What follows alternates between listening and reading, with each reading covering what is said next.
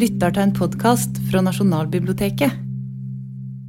Ja, jeg heter Tor Gottaas, født 1965, vokste opp i Brumunddalen. Sjølve Brumunddalen. Jeg er folkeminnegransk av utdannelse, forfatteryrke, har skrevet over 30 bøker. Eh, nå skriver jeg en bok om en skiløper som heter Oddvar Brå. Eh, han, eh, den kommer ut til høsten. Ylland forlag i oktober. 3. Jeg Jeg er ca. halvferdig. og Det sto en artikkel i New York Times i går om Oddvar og Staven. Eh, de, de, var her i fire dager, faktisk. En fotograf en journalist intervjua han om stavbrekket. Eh, og jeg skrev boka her, Femmila, som kom i 2013. 1803 eh, gram. 543 sider. Og vi vet at femmila Hoppsporten og femmila er en norsk oppfinnelse. Den første femmila startet ved Majorstua. Det var 7. februar 1888. Det var en tirsdag klokka 8 om morgenen. Det var flere som røkte før start for å åpne lungene. Det var 32 påmeldte, 17 som starta, 12 som fullførte. Og jeg har faktisk slektning som var påmeldt. Sigurd Gottaas, som var tremenning til min tippoldefar. Men han var påmeldt, men han stilte ikke opp, og det irriterer meg. Han var pudding. han stilte ikke opp. Eh, og, Da begynte femmila. og vinner, Første vinner var Torjus Hemmesveit på 4.26,30. Han brukte én stav. Nummer to uh, var Per Eliassen Løten. Han brukte to staver. Nummer tre var Nils Kampheim Nordmarka. Han brukte to staver. Han var onkel til Bjarne Iversen, som da gikk på det norske stafettlaget i 1936 i OL. Hvor en finsk løper mista gebisset, måtte snu og gå og hente tenna, men fortsatte, og Finland vant for det. Uh, han har en datter som heter Liv, som er gift med Reidar Hjelmstad, som vant femmila lagt i 63, femmila i Furnes i 64 og femmila i Alvdal i 69. Uh, nummer fire var Ernst Bjerknes, som tegna verdens første skikart. og Nummer fem var Anton Tingstad Løten, og nummer seks var Edvard Lillehagen Værum. Det var de seks første på verdens første femmil. Og da fikk vinneren gull verdt 400 kroner. Og Det solgte han og dro til Amerika eller USA. Uh, både han og nummer to dro da til Amerika ved å selge premiene. Men altså Femmila begynte i Norge. Det var to femmer i Finland på 1890-tallet. Det var én i Norge i 1902. Da begynte den fra Holmenkollen, altså Frognerseteren. Det er jo verdens, verdens eldste langrennskonkurranse. Boston Marathon begynte i 1897, og det er verdens eldste maraton. Og femmila Holmenkollen er verdens eldste langrennskonkurranse, eller lang, Holmenkollrennet, som begynte i 1892. Men femmila Holmenkollen er verdens eldste langrennskonkurranse. Um, eh, den har gått da fra 1902, unntatt noen år da den var avlyst i 05 og 09 og 25 og under krigen. Så som flytta til Gåsbu 90 Men i hvert fall 1924 da, så skulle OL arrangeres første vinter-OL i Chamonix. og Da var de norske løperne så seriøse. Vi sier at de ikke var seriøse i gamle dager, men det er bare tull. For Da dro altså da Olav Helseth ned i desember 1923 og testa snøforholda. Og For å måle hvordan snøen var, se hvordan temperaturen var. Og De hadde vært der da den sommeren, siste. da, for at Jeg har lest finske bøker. Jeg. Da jeg skrev en bok her, så fikk jeg oversatt ganske mange finske bøker. for Jeg kan ikke finsk, men jeg kjenner flere damer som kan finsk. Da fikk de timesbetalt og leste finske bøker, så sugde jeg, meg til kunnskap, sugde jeg til meg kunnskapen. Fikk 300 kroner timen. Eh, og svart. og eller intravenøst. Intravenøst. intravenøst. Eh, og da, eh, i Finland, så påstår de, så påstår finske skiløpere at da, de påstår at nordmenn har påvirka traseen. For i Chamonix så er det nemlig det er et dal, Jeg har vært der om sommeren, bare. Det er et dalføre, som alle vet. Der kunne du lagt skiløper på flere måter. Der datt den, da. Ja, det var dumt, da. Ja, det, ja driter jeg i det. ja. Og Eh, da var det sånn at Der er det dalfører, og de mener at nordmenn har påvirka løypetraseen. For den var nemlig bortover i begynnelsen, og så gikk den oppover. 800 meter stigning. På det verste var det 500 meter eh, på to kilometer. Torleif Haug vant datt 25 ganger.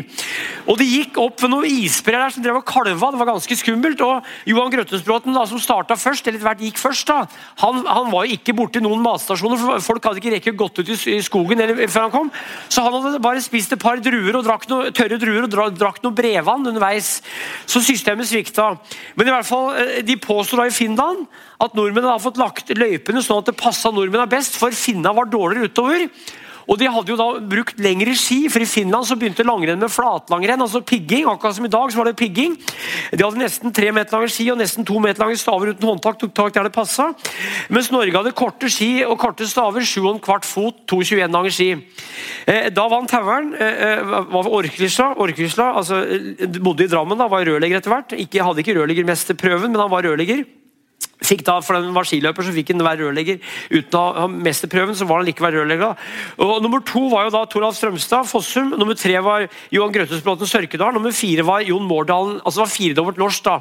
Og det var egentlig ikke så rart, for nordmennene var både best oppover og nedover. For like mye telte utforferdighetene da i 1924. Eh, altså det var, når Haugern datt 25 ganger på to km, eh, og han klarte de utforkjøringene best. De andre kom skliende nedover. Eh, og flere, det var blodet i ansiktet. og Det var en sånn femmil som da var kanskje den jævligste femmila vi har hatt. Bortsett fra da i 1953 NM, så var det da Grøttesbråten som var løypesjef. Da var det NM på starta på, på Tryvann. Det var femmil to ganger, gikk ned og opp Sørkedalen. Og Grøttesbråten skulle legge en løype som var like hard som løypa i 1924. Såpass må gutta tåle, sa han. Og Da vet vi at, eh, vet vi at eh, en som heter Anders Ressel fra nord han kollapsa. Han ble dratt i mål på en kjelke. Han klarte ikke å fullføre. Og Martin Stokken sprakk jo. Han drakk en bøtte med sukkervann. Og Like hardt var det nedover som oppover. Og da vet vi at eh, Harald Grønningen, da, som født 1934, og Sverre Stenstein, født 1933, hadde vært på junior nede i Botn i Vestfold. Og De sto da, det var matstasjon da, på de her beste norske løpere da de var juniorer og fikk ikke lov til å gå. Og Da sa Sverre og Harald at de trodde aldri at de kom til å klare å gå ei femmil. Og Sverre vant jo femmila i Kollen tre ganger. 59, 60, 61, og Harald ble norsk mester på femmil tre ganger på rad. Så de trodde ikke at de skulle klare å gå ei femmil. Så hardt var det, da. Og eh, eh Den femmila 24 er jo da eh, legendarisk som jeg sa, fordi den var så vanskelig, og kanskje den, en av de jævligste femmila som er arrangert. Eh, eh den andre i 28 var også veldig spesiell, for da var det nemlig kaldt vær i begynnelsen. Og så slo været om eh, til varmt etter hvert. Det var 12 varmegrader i skyggen og 40 grader i sola. Og alle løpere måtte smøre om. Ingen hadde noen lamper og sånn, så, så, flere løpere da sies at de måtte tenne opp, brekke kvister og tenne opp bål for å tørke, tørke såla. Og Olav Kjellbotn, som var best av de norske på fjerdeplass, han, han smørte om ti ganger på de siste, siste mila. Og tapte ca. en halvtime til svensken Hedlund, som vant. Altså En halvtime tapte han på smøling. Både på smøre og på dårlig ski. Og vi sier at smøling har mye å si i dag. Jeg prøver å prate sakte. Eh, smør... Jeg prøver det, ja. De sier at smøring har mye å si i dag, men det hadde mer å si da, for 80-90 år siden. Og da vet vi at eh, På ei femmil så kunne jo skia trekke De trakk jo ofte vann. De kunne bli dobbelt så, dobbelt så, tunge, de kunne bli, miste spennet. Så, så, så, de kunne godt tape 20 minutter på ei femmil eh, på 20- og 30-tallet på smøling og på at skia da ble bløte rett og slett, og fikk ødelagt spennet. Tredobbelt svensk i 1928. firedobbelt norsk Nei, unnskyld, var det en finne der. Nummer tre finne var det vel nummer tre, tror jeg. Det var Hedlund, og så var det en finne på tredjeplass. Men poenget var de første fem femmilene og de verste. Nummer, to, nummer tre i 32 Jeg tar det kronologisk. Jeg. Så, så, så, var det i Lake Placid. Det var ikke noe snø. Løpere dro over i slutten av desember. Kjørte båt over. Eh, kom da til New York. Den norske troppen ble møtt da av norskamerikanere. Det, det var jo 60 000 nordmenn som bodde da i Brooklyn. Eh, det, ble kalt Mysoskolonien. 8. Avenue var Lapskaus boulevard. Og der var løpere Blant annet så var det Birger Ruud som sto på hendene på toppen av Hotell Waldorf. Jeg sto vel, mener det var Hotell Waldorf. For der bodde vel Jørgine Boomer fra Bøverdalen. Hun var gift med da en kar som eide det, så det var norsk vertinne der. Og Løperne dro oppover til Lake Placid, og det fantes ikke snø. Det regna. De, de, de løp på, på golfbana, og det var helt håpløst. Det finnes noen bilder hvor de trener på ei golfbane med påmåkt snø. Og vi vet at eh, det var snakk om å avlyse, og amerikanerne ville at løpet skulle avlyses. altså Arrangøren ville at femmila skulle avlyses, men så var det en finsk eller norsk eller var det svensk journalist som sa det at det er jo så mange skandinaver her, i hvert fall 500. da, Vi måker sammen den snøen som fins, så lager vi ei løype. Der hvor løypa skulle gå, egentlig, så lagde de altså måkte på snøen, en massiv dugnad med journalister og alt som var der. Måkte på ei løype da, som gikk i skogen. Det var, det var, det var vel 24 km ganger to, pluss en liten runde. Og det som var rart der, var at der hadde de for første gang hadde noen da høgd ut ei femmil. Det hadde de gjort i Laktio for så vidt før, men det var første OL ble hogd ut en femmil. Altså De høgde da ut en trasé, eller trassé, som vi sier i Brumunddal. Og eh, eh, der var det da sånn at eh, det var ganske smalt, da, ca. en meter. Eh, og der Utafor der var det også høgd, da, men der var det ikke høgd eh, altså det var høgd helt ned da, i traseen. Og så var det det som vi kaller tennung på Hedmarken. hvis noen vet hva Det er for noe. Altså, det, det, var, det, var sånn, det, var, det stakk opp en del stubber og sånn, sånne små, smårøtter. da. Og Det var problemet, pluss at det var mye stein i landskapet. der, så Flere av løperne datt og slo seg på steiner. Sigurd Westad fra Trysil datt og slo seg i skinka og i ryggen og fikk livsvar, merka det resten av livet. Han brøt, men han, han, han, han måtte jo gå til, til mål, så han fullførte allikevel. Eh, men i hvert fall Men i hvert fall så var det en, en fæl femmil i 1932, da de norske løperne da det var jo da Sarin fra Finland som vant. Han hadde ligget og trent borti der. For, for Finland tok da sitt første OL-gull i 1932. Først da i 1932. De hadde ikke noe gull i langrenn før det. Sarin ble senere eh, sånn svensk hovedtrener. Og Da Kristen Kvello var i Finland i 1958 om høsten, så var det Sarin som var hovedtrener, for det hadde gått så dårlig med nordmennene i VM i 1958 at de skulle da reise, reise norsk skisport. og Da dro Kvello bort til Finland, så dro han til Sovjetunionen. I, i Sovjetunionen som drev da løpere og drev og gravde grøfter. De gravde grøfter, og så fylte de igjen samme grøfta. Eh, eh, det var en måte å simulere kroppsarbeid på. da. Eh, mens i Finland så hadde de da fått en treningsfilosofi som Sarin var mannen bak. da. Han var jo egentlig fra ei øy ute i Østersjøen. og Han begynte som fisker og roer og sånn, og trente på øyene borti der. Han vant i 32. da, og Så kom vi til 36, så er det en merkelig femmil, det òg. For da smørte nordmennene seg helt bort. Da vant Sverige tredobbelt. Eh, det vi kan si er at Femmila da hadde status. Eh, Holmenkollen var verdens eh, faktisk noen år var den, den eneste femmila i langrennssporten var Holmenkollen. Den begynte da i 02, som jeg sa, fra Frognerseteren. I Sverige og Finland var det 6 mil og 9 mil, særlig 6 mil. Eh, så, så, så, Først i 1922 så var det en finne som vant i Kollen. og Det var en som het eh, Anton Collin. Han vant foran Tapani Niku. Nummer tre var Hagbart Håkonsen. Nummer fire var Sverre Østby. og Det er ikke tilfeldig, for det var forferdelig før den dagen. Torleif Haug smørte seg bort og glemte å ta med smøling. Han ble vel nummer åtte eller ni. eller noe sånt. Men i hvert fall så var det sånn at eh, da hadde finnene kutta skia og stava og begynte å gå annerledes på ski. for å da hente igjen det norske forspranget som da var i begynnelsen, hvor nordmennene gikk da terrenglangrenn, og finner og, og svensker gikk eh, staking da på flatmark, for det er så flatt, særlig i Finland. da.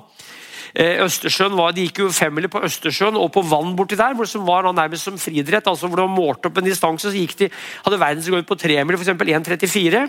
I Sverige, Det var i 1913. I Sverige var det en som gikk på 1,20,07 1940 på tremil. Det er ganske fort. Men det var nedover Umoelven med medvind og på is, og han skøyta. Altså det var egentlig juks, da.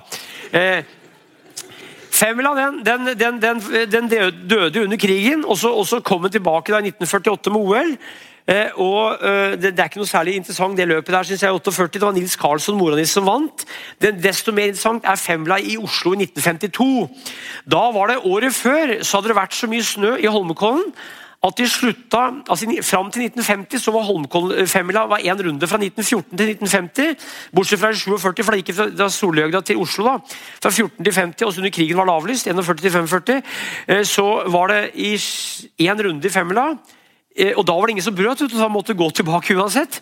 Eh, og I 1951 så var det så mye snø at da, da sa løypesjefen Christian Holmen, som var fra Holmen gård, altså bonde der, sønn til Jonas Holmen, som hadde vært løypesjefen på begynnelsen av 1900-tallet, så ringte han da ned til Kollen klokka ti om kvelden, for de gikk i skogen og brøyta løype. Vi rekker ikke å brøyte en runde, vi må ha to runder i Femmila Holmenkollen 1951. Derfor ble det to runder fra 1951. og I OL-året da var det to femmiler i Holmenkollen. Det var én i OL, og så var det én i Holmenkollrennet. Den i Holmenkollrennet var jo da, eh, så vidt jeg vet, etter OL. Eh, da, da, gikk det nesten en time fortere. Det var litt annen runde, tror jeg. Men i OL så var det på en måte halvannen runde. da. Og det som var spesielt i Finland, var at eh, eller det som var spesielt var at Da hadde jo vi en kar som er fra Oslo, og som var egentlig Oslos første storløper i langrenn på femmil. Harald Mortmann, 92 år, Heming. Eh, han leda faktisk den femmila der etter en mil. Harald han var da, eh, han var da eh, ja, 25 år, 26 år. Og Han hadde trent mye opp i det, i det, terrenget der. Han var den første løperen fra Oslo som virkelig ble god. Han vant på NM i femmil òg. For det ble jo sagt at løperne fra byen hadde ikke sjans til å vinne femmil.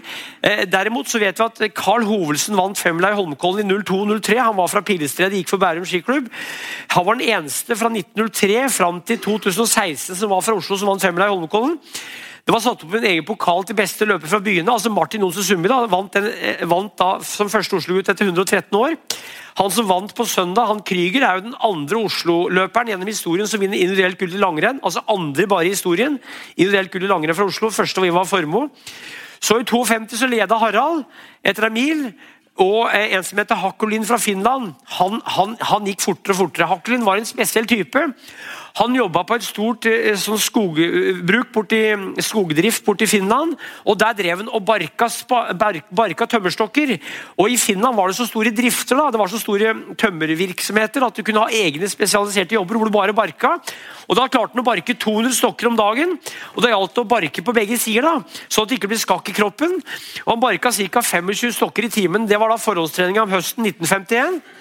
Og så var det et 40 km uttakingsrenn i Finland. Det vant han på 2.22,22. Og Du tror i Finland at ikke det er riktig, for at eh, det gjorde han i Finland, da, men så vant han jo i Oslo på 3.33,33.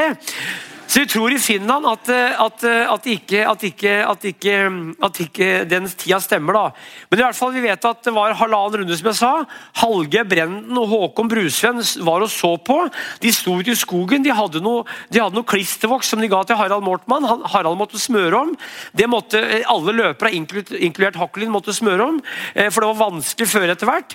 Og vinnertida altså 3.33,33.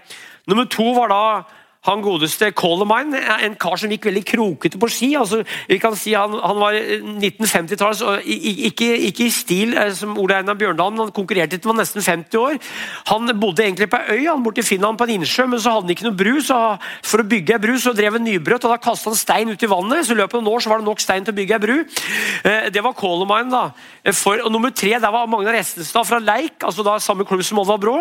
Og det var det som vi på Hedmarken sier en alvorlig harding. Altså Essenstad var en knallhard type. Han skulle gå femmil i Holmenkollen, så hadde han ikke råd til å kjøpe natt, eh, nattog eh, eller et sovekupé, så han sov på hattehylla. Kom fram til Oslo, ble med fire der. Eh, eh han var tømmerhogger og var en bjønn av en kar men ble dessverre skada på tremila i NM i 1954 i Kongsvinger, hvor han datt, og, han datt hekta beinet bort i et trerot, og så brakk han lårhalsen. Og, kom, og, ble liggende da i strek, ben i strekk i flere måneder nede i Odalen på en sånn sykestue, og beinet ble mye kortere. Han kom aldri tilbake. da. Magnar Essenstad fra Leik, som var den store langrennsløperen der før Oddvar Brå. Eh, eh, Oddvar er jo da 27 år yngre. Han var født i 24. han her, her. Oddvar er født i 1951. Han ble nummer tre. da. Nummer fire var Olav eh, N. Økern, Olav Nilsen Økern fra Bærums skiklubb, som bodde nede ved, ved den fjorden bort, ved, bort i Hole kommune der. Og Han, han, han var da uh, tømmerhugger. Han hadde vært da under krigen han hadde ikke vært i konsentrasjonsleir, men hadde vært da i, i, i sånn tukthus, tukthus, og arbeidsleir. hvor Han arbeidet der, og han kom hjem så var han syltynn, og han gjorde comeback. og Han var da født i 1911 og var over 40 år, så ble det med fire på femmila da, i, 19, i 1952. Nummer sju mener jeg var han Edvin Nansem fra, fra, fra Rindal. Han var jo Norges sterkeste langrennsløper i 50-åra. For vi vet at eh, vi vet at Simon Slåttvik var sterk. Han, han, var murer, han var fra Valnesfjord og gikk for Stålkameratene. Han, han var kombinertløper, han var skihopper. Han, han, var med i Oberstdorf, eller var det Planica, skiflygning. Så sto han og drakk brennevin på toppen av bakken. Og Så kom det en ung gutt og spurte står han drikke brennevin her. Og jeg tør å hoppe her uten å drikke brennevin. Altså, det, det var Simon Slåttvik. Han var kanskje den nest sterkeste, men, men Edvin Landsem fra Rindal var den sterkeste. Han var 1,72. Altså litt sånn undersetsig type. da, og Vi vet at det var en islandsk kraftkar som heter Ursus, som reiste rundt i Norge på 50-tallet. For å telefonkataloger og resta ut hesteskoer. Han var oppe i Rindalen. Masse folk i salen som satt der, og da satt kona til eh, han Landsem var høygravid med unge nummer én. Ja. Og hun jo, ble jo redd, da, for de dro opp Landsem på scenen. Han skulle teste styrken mot den islandske kjempen. og De tok tau rundt halsen på han, og så dro to mann fra hver sin side, men han overlevde for han spente muskler her. Han var kraftig og sterk. Han var den sterkeste, da. Edvin Landsem. Og Edvin Landsem, vi vet jo det. Vi vet jo det at det var ganske mye folk i skogen i 52 menn. Far min så femmila i 52. Ja, han er født i 1942. Han så det samme onkel Ragnar, som er født i 1917. og vi vet at, Men det var ikke like mye folk overalt. Landsem han måtte smøre om, han òg. Så sto han og smørte om i skogen, så kom det gående en tulløper. da, og han, Tulløperen skjønte ikke at Landsem var med et skirenn, så spurte han har du tenkt deg langt, du, eller sånn. det var i 1952. Eh, og, og i 56 så har vi da eh, Cortina. Da, da er Sixten Jernberg med, og han slår da Hakkolin for første gang. Og Sixten Jernberg er jo en helt spesiell type. Jeg har intervjua sju OL-vinnere på femmil. altså Sixten Jernberg, Ole Ellefsæter, eh, Pål Tyldum, Ivar Formoe, Thomas Vassberg. Eh, eh, og, og, og, Peter Northug og Bjørn Dæhlie er de sju jeg intervjua. Og det er jo spesielle folk. Eh, vi skal være glad for at alle ikke er sånn. Da hadde ikke verden vært noe ålreit sted å bo, tror jeg. Eh, For det er en grense hvor mye vilje det lønner seg å ha. Eh, fysisk, ja, og Det bikker nesten over på noen av de karene der. Eh, og det som, det som jeg og har sagt, er at eh, jeg syns det er rart at damene ikke går femmil. Men jeg tror ikke, Vegard Ulvang sier til meg at han har spurt damene om de vil gå femmil. De fleste vil ikke, sier Vegard. Jeg tror Uffe Darsby hadde vært komplett uslåelig da. Eh, men, men, det er noe med at FIS, eller eh, TV-en bestemmer. da, så jeg tror TV-en har litt å si òg. For damene har gått veldig korte distanser i langrenn. Sporten heter jo langrenn. altså Lang skirenn det definerer jo hele sporten at det er langt. Og Siksen Jernberg, som jeg sa, han intervjuet to ganger. Første gangen var i 2011. Han vant til OL femmila i 56 og 64. Og I 64 så var jo Hallgeir Brenden han var irritert, for han ble ikke tatt ut. Hallgeir var da født eh, var det ikke var det ikke 10. februar 1929, eller var det 12. februar? I hvert fall var Sixten født 8. februar. Og Sixten vant under femmila i 64. Og Hallgeir han var jo lei seg for at han ikke ble med, for han ble ikke tatt ut. Han mente han var god nok. Og Jeg prata med en av sønnen til Hallgeir, han har jo tre sønner og datter. og Hans sønn sa det at eh, Rundt år 2000 så drev han og faren og høgg tømmer, for Hallgeir høgg jo tømmer, han hadde egen skog. Og Så sto han og kikka ut i lufta, tomt ut i lufta, og så spurte sønnen far, er du klein. Nei, jeg står og tenker på OL-uttaket i 64, sa han. I 1946, 40 år senere nesten, og vi vet at, vet at uh, Jernberg jeg besøkte han to ganger. da. Første gang var det sammen med Olva Brå. og Da møtte jeg Olva på Røros, og da hadde jeg jobba med en bok uh, som nesten var på 700 sider, så jeg hadde ikke fått sove på ei uke. Jeg var helt utafor. Jeg måtte gjøre ferdig boka. Så traff vi Olva på Røros, så kjørte vi fra Røros ned til Lima i Sverige, for der bodde Siksen Jernberg. Og Oddvar kjørte fort, eh, eh, og det var svingete, var det, og jeg spydde åtte ganger eh, ut av bilen før vi kom fram. Jeg var helt dehydrert, tarmene mine hang ut av kjeften. og jeg, jeg, jeg, var helt ødelagt. Og Sixten ville jo ikke slippe meg inn, for han, han trodde jeg var journalist. Så sa Oddvar at han er forfatter, ja. Da var det greit, ja.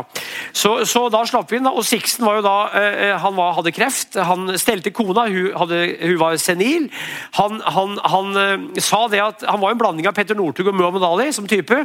Eh, og, og, og, og, han eh, kunne ikke vokst opp i dag, sånn, for han var jo tung ADHD, så klart. og Mora måtte binde fast med tau da guttungen. Som treåring han skjærte av tauet rundt 80 km.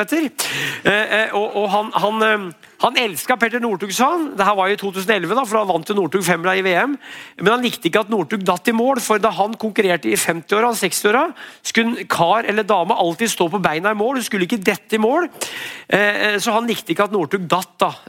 Og vi vet at da Gjermund vant i 66 i Oslo, så husker han ikke noe særlig av de siste fem kilometerne. Men han klarte å stå på beina likevel. Du skulle stå på beina. Eh, Sixten var hos en gang til. Eh, eh, og han, han, da, da, skulle jeg også besøke Nils Karlsson Morenisse, som da vant i 1948. Svensken, men Han hadde hatt slag, hjerneslag, så han har jeg bare hilst på. Han har ikke intervjua. Sixten var helt spesiell. Jeg har aldri hørt noen banne så mye. Eh, han, han, sa jeg tilhører en helt annen tid. Han, han tilhørte en tid hvor det var fysiske krefter som gjaldt. Eh, hvor det var det å være sterk og robust eh, på den måten som du var hvis du var tømmerhogger eller skiløper. Så han var oppgitt over den moderne verden og var glad han ikke hadde, skulle leve noe særlig mer. sånn. Eh, indirekte i hvert fall, så Han døde året etterpå. Da Da lå de på samme rom på sykehuset Mora. Sixten Jernberg, da, eh, Det var juni 2012, så døde da begge to.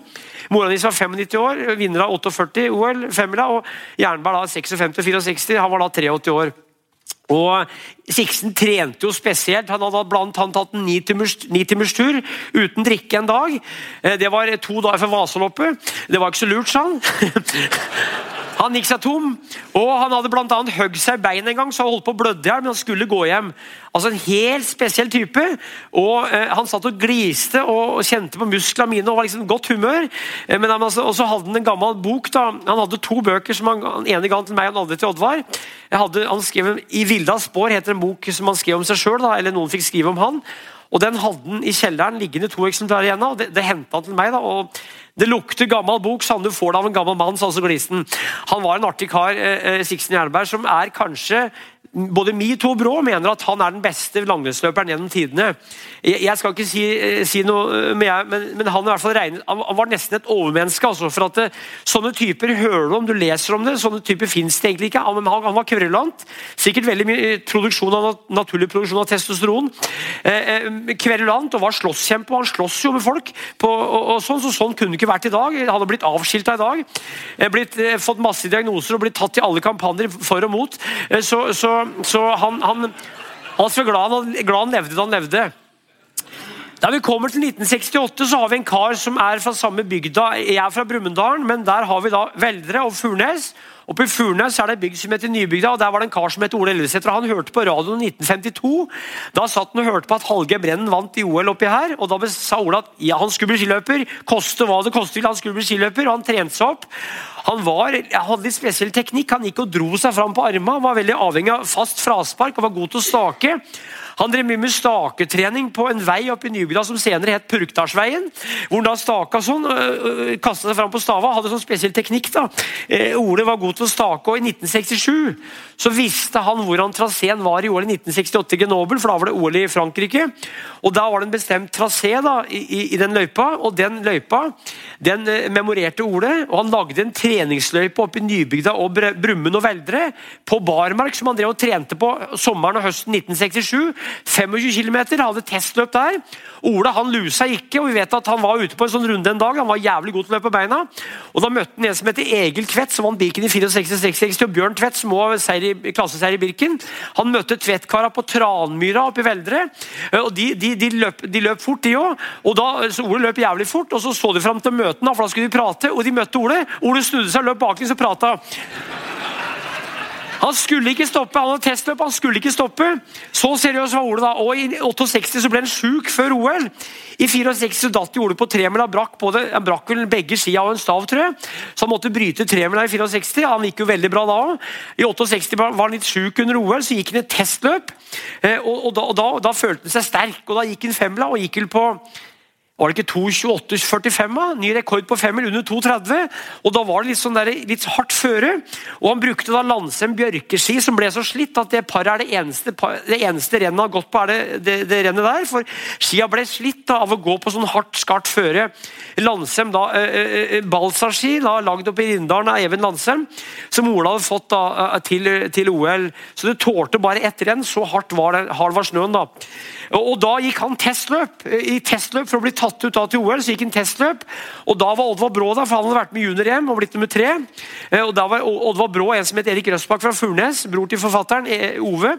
Gikk opp løypa for Ole, da, så han, han tok gull i 68. Eh, og da tror jeg det sies da Ole hadde en bestefar som het Ole. Og Han var en rolig, sindig kar. og Det sies at han sa da Ole kom tilbake til Nybygda, så sa bestefaren Jammen kom det olympisk gull til Nybygden, sa han. Det er bra sagt. Det er sånn hedmarking eh, eh, sånn, Det er ikke noen overdrivelser. Eh, og, og i 72 så har vi en klassisk femmilsløper, Pål Tyldum fra Hollingen, altså Høylandet. Han var jo, han var jo, han var jo veldig sta.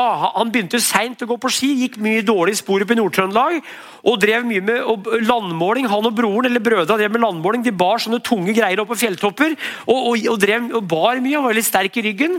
Eh, og Tyllum han, han, gikk ikke bra teknisk først. Han slapp ikke ut ordentlig bak. Fikk ikke nok vingespenn. Men på en samling da, på Nordseter i 1967 så forklarte Obben Jensen hvordan det skulle gå. Da lærte Tyllum det. Han var veldig god. Eh, til også, også, også, han var sterk, altså råsterk. Og I 72 så hadde Splitcan fått et nytt ny type ski med splitkana-belegg, sånn oljebasert belegg under. og De brukte Tyllum da i 72 eh, og vant da foran Magne Myrmo og Reidar Gjermstad på fjerdeplass. Ole var med han òg, men det gikk ikke noe særlig bra med Ole da. Men da fins det på YouTube en veldig fin russisk film om det OL. Det fins for øvrig en veldig fin film om OL i 1960 og i, i Squaw Valley. Gå inn på den, gutter og jenter. Hvor du ser da hvordan de gikk da i 1960. For det er det første rennet hvor de bruker maskinpreparerte spor. Da hadde de kjørt opp da med Wiesel i løypene i Squaw Valley. Og så ble sporene gått opp, tror jeg, men i hvert fall var det Wiesel under. Da Og da ser du fargefilm, russisk fargefilm både i 1960 og 1972. Ligger på YouTube. Gå inn på det. og Da vant Calaway Hemmeline 1960, og han hadde start nummer én. Og det er første gang og eneste gang at start nummer én vinner ei femmil på det nivået der. Eh, da var det sånn at De, de første løpere hadde jo best eh, skarpest forhold. og Det var fordelen med å gå først. da Og da vet vi at det var, det var hamburger på matstasjonen. og det var sånn amerikansk sånn der thanksgiving-mat, middag på matstasjonen. Eh, og de norske løperne gjorde det ikke noe særlig bra. Men i hvert fall Calvi Hemmeland vant da, eh, med start nummer én. Det var i 60, og 72 så var det Tyldum. Vi kommer til 76, så har vi en kar som heter Ivar Formoe fra Oslo. Han var spesialist på, fem, på tremil, egentlig, og var egentlig ikke noen femmilsspesialist. og jeg tror det at I 76 så tror jeg kanskje Bill Cock leda. Bill Cock han bestemte seg for å bryte han, den femmila der. Men så, så, skulle hun gå bort til hotellet da, fra en bakke der hadde gått ganske langt, skulle kutte over løypa og gå bort til hotellet nede i Seefeld. Og Da sto han i bakken og tenkte nå, nå bryter jeg, men da kjente han en arm bak seg. Det var en som skjøv ham opp bakken. You are me too. Og da, da, da fullførte Bill Cock. Han ble langt uti, og Da fortalte han denne historien her til en journalist på et fly. Og den Journalisten skrev en historie om dette, her, og det kom i et blad. Og Da ble Mito tildelt en sånn Fairplay-pris av en sånn IOC. eller noe sånt. Og Da ble han tilkalt da, ned til Paris for å holde en tale på en sånn IOC-konferanse. tror jeg, Og fikk en tale som var skrevet spesialskrevet av den finske skipresidenten. Den skulle Mito lese opp da, mens simultantolkene øh, skjønte hva han sa. Mito han eh, møtte opp i bunad, to meter høy, eh, og leste da ikke opp talen i det hele tatt. Holdt sin egen tale eh, på finsk, da, som ble tolka der. der. og det var 1960. Og Formo han var jo da, Formo var, Det var jo en sensasjon at Formo vant. Eh, egentlig ikke hvis du ser på Formo som skiløper. Han var en enorm, altså han var en urkraft fra byen. Jeg skriver om Ivar Formo nå i boka om Odda Brå. Han var en urkraft fra byen. altså Det er ganske spesielt å være en urkraft fra byen. Du har brødrene Alf og Frank Hansen, så har du da ja, altså Ivar Formoe, da, de, den generasjonen der, urkrafter fra Oslo. for Ofte kommer urkrafter fra de dype skoger, sånn som Mito Vassberg og sånn, og Marit Bjørgen og Therese Johaug. Eh, fra de øvre bygder. Eh, ofte ikke fra byen. da, eller Nordberg er jo en byen, det. Hansen-brødra var jo fra, fra, østkanten, bort på Grønland og, og, kampen der. Men i hvert fall Ivar vant i 76, og det var da Bjørge Lillien skrek der saken er biff var det ikke det? Eh, i 1976 eh, Ivar Formoe som gikk på en litt spesiell måte, og som tragisk døde da andre juledag 2006. Da Han gikk gjennom isen og på Sandungen. Eh, det var jo en forferdelig ulykke, det. Men i hvert fall, han vant femmila i OL, noe Oddvar Brå aldri gjorde. Han, Ivar vant jo ikke femmila i Kollen. Han leda i 1975. Hadde en start nummer 118, tok en Oddvar som hadde 116. Passerte likt midtveis. Oddvar rykka Ivar sprakk. Ivar ble med to, Oddvar vant. Så han vant aldri femmila i Kollen, men vant femmila i OL. da. I, når vi kommer til 80, så er det bort til Lake Placid, og, og, og, da tror jeg vi kan snakke om bloddoping. Jeg vet ikke, sikkert, men russerne kanskje var bloddopa. Og 84 er det Vassberg og uh, Svan, da duellen der i Sarajevo. Og Da starta jo Vassberg bak Gunde Svan. Og, det, og Da vant jo Vassberg med litt, og det tror jeg Gunde tok hardt. Han tok revansj i 88. Uh, og, jeg, jeg, gikk på ski i Oslo for, for, forrige lørdag. altså for 11 dager siden, og Da synes jeg faktisk jeg så Thomas Vassberg i skogen. Det var en kar som kom gående sånn, med, med lua på snei, og så staka som Thomas. Akkurat, eh, det var oppe ved Ullevålseter, det var mørkt, mørkt. Jeg tenkte er det Thomas? Det så sånn ut. Jeg ville ikke rope på han, jeg ville ikke forstyrre han. Gikk alene, for jeg gikk alene i mørket, det gjorde han òg. Kanskje det var han, jeg vet ikke, men det så ut som Vassberg. da. Han er jo en femmilskonge. Jeg var hos Vassberg 5. Vi skal besøke Vassberg, Kirvisnemi, Mito og eh, Thomas Magnusson nå, jeg og Oddvar, for å intervjue til boka. Og Jeg var hos Vassberg to ganger, og så var jeg en gang sammen med Oddvar. Det var 5. 5. august 2013. Og Vassberg han sier jo ingenting, nesten. Eh, og Da sa Oddvar da og så godt fem med deg oss, Thomas. Kunne jo hende det, sa han. Så, så han, han, er ikke, han, er en kjernekar. altså en kjernekar. Eh, 92, Bjørn Dæhlie, eh, så vant han da den legendariske eh, skøyta der. Eh, Dæhlie vant jo femmer. Folk trodde ikke han klarte det, men han vant jo femmer, han òg. Og i 94 har vi Smirnov. Skal ikke si at den var dopa, men jeg er ikke overraska hvis den var det. Men, men vi sier det at, sier det at hvis du ser på OL-historien, så kan du ta bort de som vi tror har vært dopa. Så er det en god del løpere som sannsynligvis har vært det. men som Eh, så det er altså sånn at eh, Historien ville vært annerledes hvis eh, ikke doping hadde eksistert. Men bloddoping var ikke forbudt før i 1985. Og I 90-åra var det EPO som var det vanlige, tror jeg. Det kan vi si uten at det beskylder noen bestemte personer. Men i hvert fall, jeg var på Lillehammer i 94. Det er den eneste femmila i OL jeg har sett. Det var veldig mye folk der. Uh, Vegard Ulvang hadde vondt i ryggen. Han gikk litt skakt, husker jeg. Gikk i skakt, og Smirnov vant da. Uh, og, og det, var, det, var, enorm stemning oppå der. Det var en kar jeg kjente. da. Han, han var fra Brumunddal. Han hadde hus på Lillehammer. Han leide ut det en måned. Tjente masse penger. Sjøl sov han i et høl og var full hver dag, men han ble ikke fullsjuk, for han sov utendørs. Uh, så han bodde i et høl da, i snøen i en måneds tid omtrent.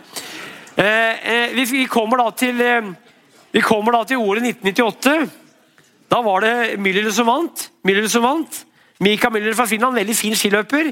Jeg var i Finland den uka han døde, for jeg, jeg var for et intervju med BBC. og da var Jeg i Finland. Jeg prøvde selv å få tak i den like før, men, men, via Vegard Ulvang. da, men han, han, ville ikke snakke med tror jeg, med norsk journalist. jeg vet ikke, men Mika Müller, da, som, da, som da vant i 1998 Unnskyld, mener, unnskyld, det er feil. det er feil, det er feil. Jeg snakker om Trondheim i 97. Bjørn Dæhlie i 98. Eh, jeg tenkte på Müller, han vant tremila i 98. I 98 så, så, var det en forferdelig duell mellom Bjørn Dæhlie og Jonsson fra, Niklas Jonsson fra Sverige. Og Hvis du snakker med Bjørn Dæhlie, så, så, Jeg vet ikke om han husker alt, men Tore Gullen, som var svensk landslagstrener, han, han, han så jo dette her eh, på, på, sånn, på sånn eh, orkesterplass. Han, han, hadde en veldig sånn grundig beskrivelse av det løpet her, sett fra svenskenes ståsted. da. Og Dæhlie han, han hadde jo da, hadde jo, ble jo fragått av svensken på slutten her. Og det vi vet er at, vet er at eh, på slutten her så sto svenskekongen, så sto svenskekongen eh, eh, og, og, og, og, Først kom Jonsson, og så kom Dæhlie, og så hadde svenskekongen satt eller han Knugen, han svenskekongen, så hadde han sagt da Nå sprikker nordmannen, sa han. Eh, og Da kom Sindre Bergan, den norske dametreneren, hoppa av gjerdet og sa han, 'Ikke faen, Bjørn', sa han. Og Da hadde han sett litt reaksjon i ansiktet på han. Han var mer eller mindre død, men så litt reaksjon i ansiktet på han. Og Da klarte han å ta seg sammen da, Dæhlie, og, og, og, vant da og jeg tror nok eh, Jeg, tror nok, jeg vet ikke om hun forkorta livet sitt, men, men, men, det var ganske hardt på kroppen, tror jeg. Jeg klarte da å, å, å vinne. da, Han datt jo over mål, Bjørn Dæhlie, i, i, en sånn veldig sånn spesiell femmil. fordi det var, det var, en duell mellom Norge og Sverige. Og, og skikongen Dæhlie, som er kanskje den beste mannlige løperen verden har sett, men jeg i hvert fall, Bjørgen for damer og Dæhlie for menn, i hvert fall i Norge. Eh, I 2002 så har vi da en interessant femmil i Lake Placid. Vi har en løper som heter Johan Myhlegg. og da husker jeg at eh, Han gikk jo, gikk jo ikke så pent på ski, men han gikk jo ganske fort. Eh, og Han ble jo tatt senere for doping. og Det var vel, det var vel en av de store gamle norske gutta som ble intervjua, som spurte han var ikke noe teknisk finslepen, men han, han, gikk i hvert fall veldig fort. da, Og vant og ble fratatt gullet. og Det var ikke, det var ikke flere som Jeg vet ikke hvor mange som var dopa der, men i hvert fall så var Myrleg har vel blitt tatt for doping. da. Første med fellesstart var i 2006 i OL. Eh, og Da vet jeg at det var ganske kjedelig femmil. Eh, det var Dissenta som vant. Eh, det var sånn at Thomas Wassberg hadde sett på, så hadde han gått og mekka en time. og så hadde han gått tilbake, for Det skjedde jo ingenting. Eh, så Det var den første fellesstarten. da. Men da var ikke Northug med, for han var med i 2010. og Da vant jo Northug etter en massiv spurt bort i Vancouver der. Så femmila har jo vært fellesstart fra 2006 i, i, i OL. Og det begynte vel, begynte vel da i VM litt før, ja. Så, så, det har blitt en fellesstartsøvelse. Det var det i, i Sotsji òg. Da var jeg der faktisk, men jeg, jeg, var jo dum, for jeg skjønte ikke at eh, Jeg satt på flyplassen borti Sotsji, og så visste jeg ikke at eh, det var TV som Jeg satt på flyplassen uh, uten å vite at det var TV som At de hadde TV på flyplassen, så jeg, jeg gikk glipp av den femmila der. Men har ikke flere av de løperne blitt tatt i doping òg? Eller noe sånt? Tror jeg, jeg vet ikke. Men det har vært mye sånn etterpå-disking etterpå i langrenn. Så, sånn sett er det vanskelig å vite hvem som har tatt medaljer her og der.